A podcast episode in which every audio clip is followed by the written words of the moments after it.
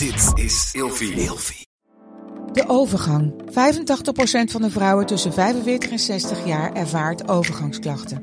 Klachten die kunnen leiden tot een verkeerde diagnose of langdurige arbeidsongeschiktheid. Wat kun je doen als je overgangsklachten ervaart? Hoe maak je dit bespreekbaar op je werk? En als jouw medewerker bij jou komt, wat kun je als werkgever dan doen? Sector Instituut Transport en Logistiek heeft een kennisplatform ontwikkeld waar jij terecht kunt voor tips en adviezen. Wil je hier meer over weten? Kijk dan eens op stl.nl/slash overgang.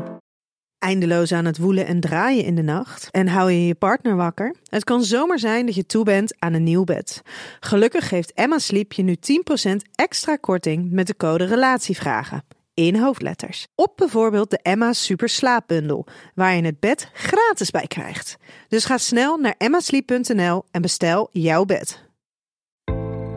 Hallo, ik ben Linda Duits. Ik ben sociaal wetenschapper gespecialiseerd in gender en seksualiteit. En vandaag beantwoord ik de volgende vraag. Hoe vertel je je hetero-cis partner dat een heteronormatieve relatie niet je ding is? Nou ja, eigenlijk denk ik dan al, als het jouw partner is, waarom heb je deze partner dan gekozen? Dus waarschijnlijk heb je deze partner gekozen omdat het sowieso al een open-minded iemand is.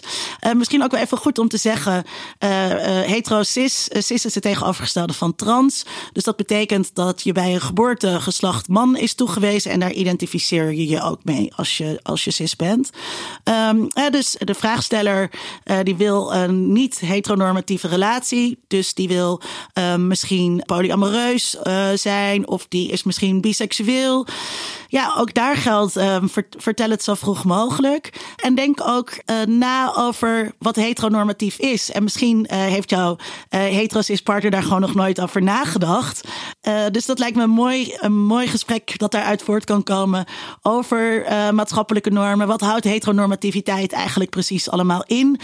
En wat zijn ook jouw wensen? Want je kan ook zeggen, uh, elke, elke zaterdag naar het tuincentrum met z'n tweeën. Uh, dat is ook heel heteronormatief. Daar hoef je trouwens ook geen hetero voor te zijn. Er zijn ook heel veel homo's uh, die dat samen doen. Dus bedenk ook, ja, wat, wat is die heteronormativiteit precies voor jou?